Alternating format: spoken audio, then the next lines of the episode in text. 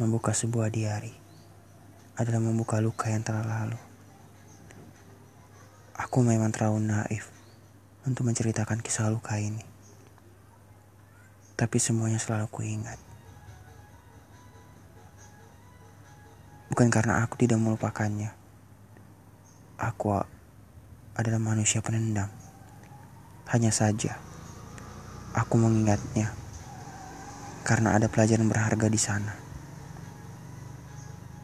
gimana akan menjadi alasanku untuk selalu kuat saat aku terjatuh di hati yang salah. Bahkan sampai saat ini, aku sudah terbiasa dengan hal-hal itu.